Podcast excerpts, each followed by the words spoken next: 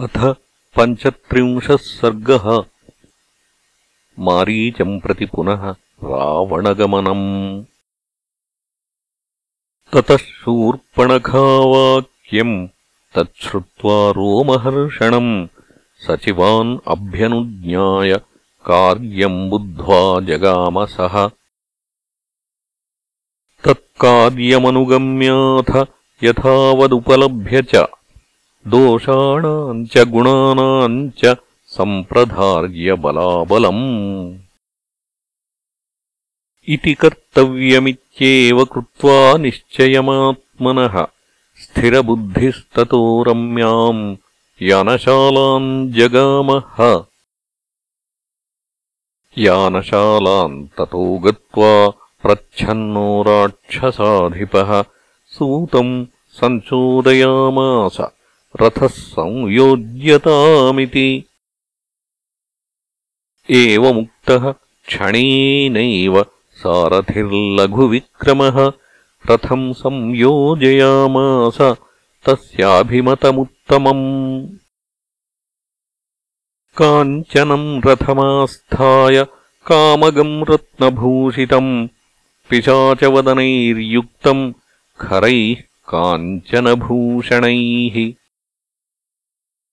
मेघप्रतिमनादेन स तेन धनदानुजः राक्षसाधिपतिः श्रीमान् ययौ नदनदीपतिम्।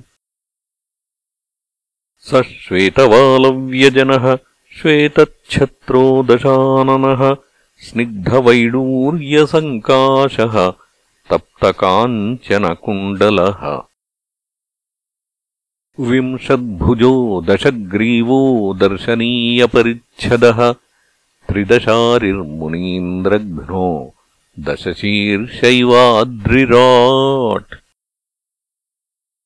कामगम् रथमास्थाय शुशुभे राक्षसेश्वरः। विद्युन्मण्डलवान्मेघः सबलाकैवाम्बरे सशैलम् सागरानूपम् वीर्यवानवलोकयन् नानापुष्पफलैर्वृक्षैः अनुकीर्णम् सहस्रशः। शीतमङ्गलतोयाभिः पद्मिनीभिः समन्ततः विशालैराश्रमपदैः वेदिमद्भिः समावृतम्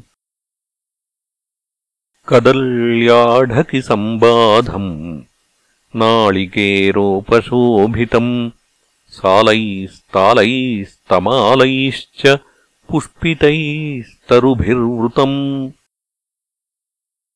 नागैः सुपर्णैर्गन्धर्वैः किन्नरैश्च सहस्रशः अजैर्वैखानसैः माशैः वालखिल्यैर्मरीचिपैः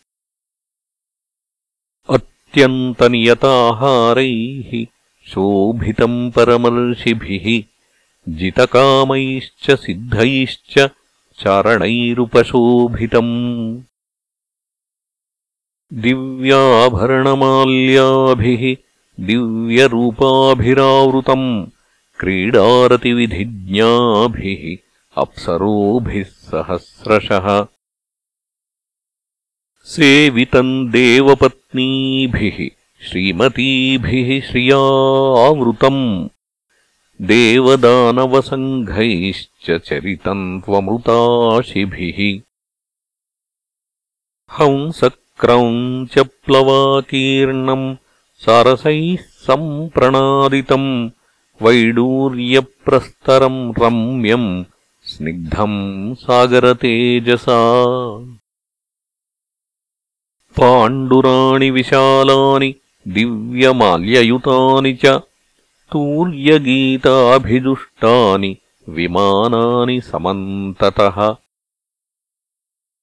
तपसाजितलोकानाम् कामगान्यभिसम्पतन् गन्धर्वाप्सरसश्चैव ददर्शधनदानुजः।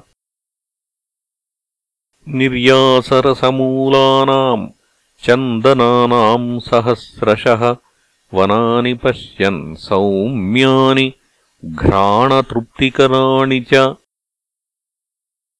अगरूणाम् च मुख्यानाम् वनान्युपवनानि च तक्कोलानाम् च जात्यानाम् फलानाम् च सुगन्धिनाम्।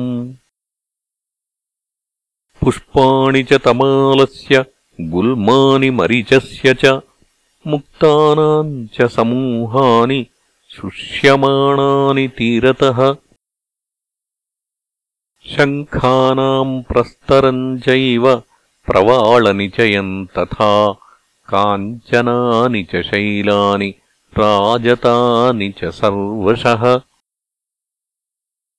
प्रस्रवाणि मनोज्ञानि प्रसन्नानि ह्रदानि च धनधान्योपपन्नानि स्त्रीरत्नैः शोभितानि च हस्त्यश्वरथगाढानि नगराण्यवलोकयन्। तम् समम् सर्वतः स्निग्धम् मृदुसंस्पर्शमारुतम्। अनूपम् सिन्धुराजस्य ददर्श त्रिदिवोपमम् तत्रापश्यत्समेघाभम् न्यग्रोधम् ऋषिभिर्वृतम् समन्ताद्यस्य ताः शाखाः शतयोजनमायताः। यस्य हस्तिनमादाय महाकायम् च कच्छपम् भक्षार्थम् गरुडः शाखाम् आजगाममहाबलः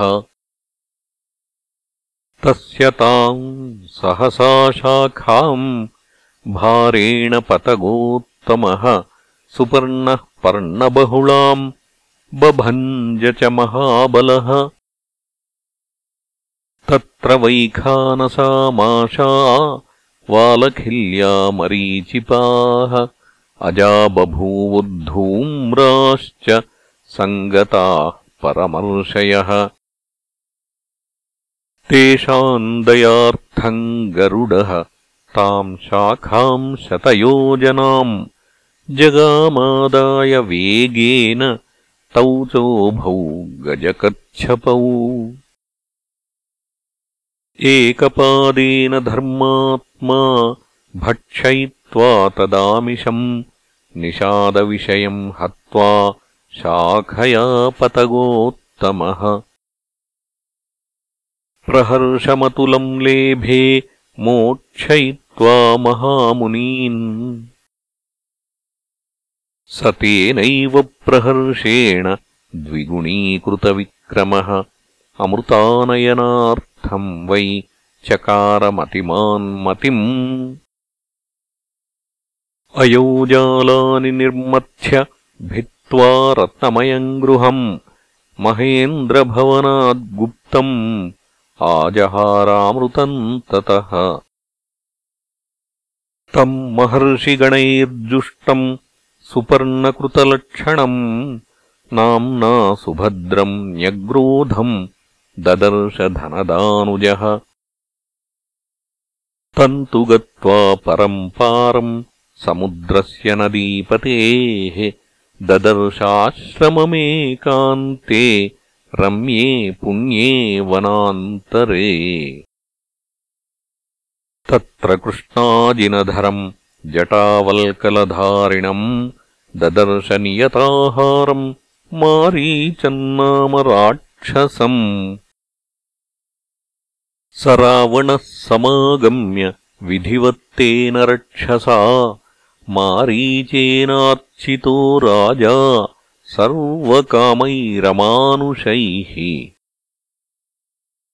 तम् स्वयम् पूजयित्वा तु भोजनेनोदकेन च अर्थोपहितया वाचा मारीचो वाक्यमब्रवीत्।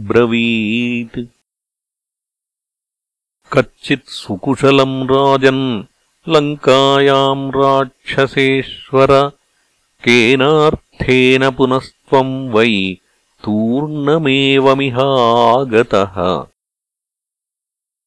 एवमुक्तो महातेजा मारीचेन स रावणः तन्तु पश्चादिदम् वाक्यम् अब्रवीद्वाक्यकोविदः।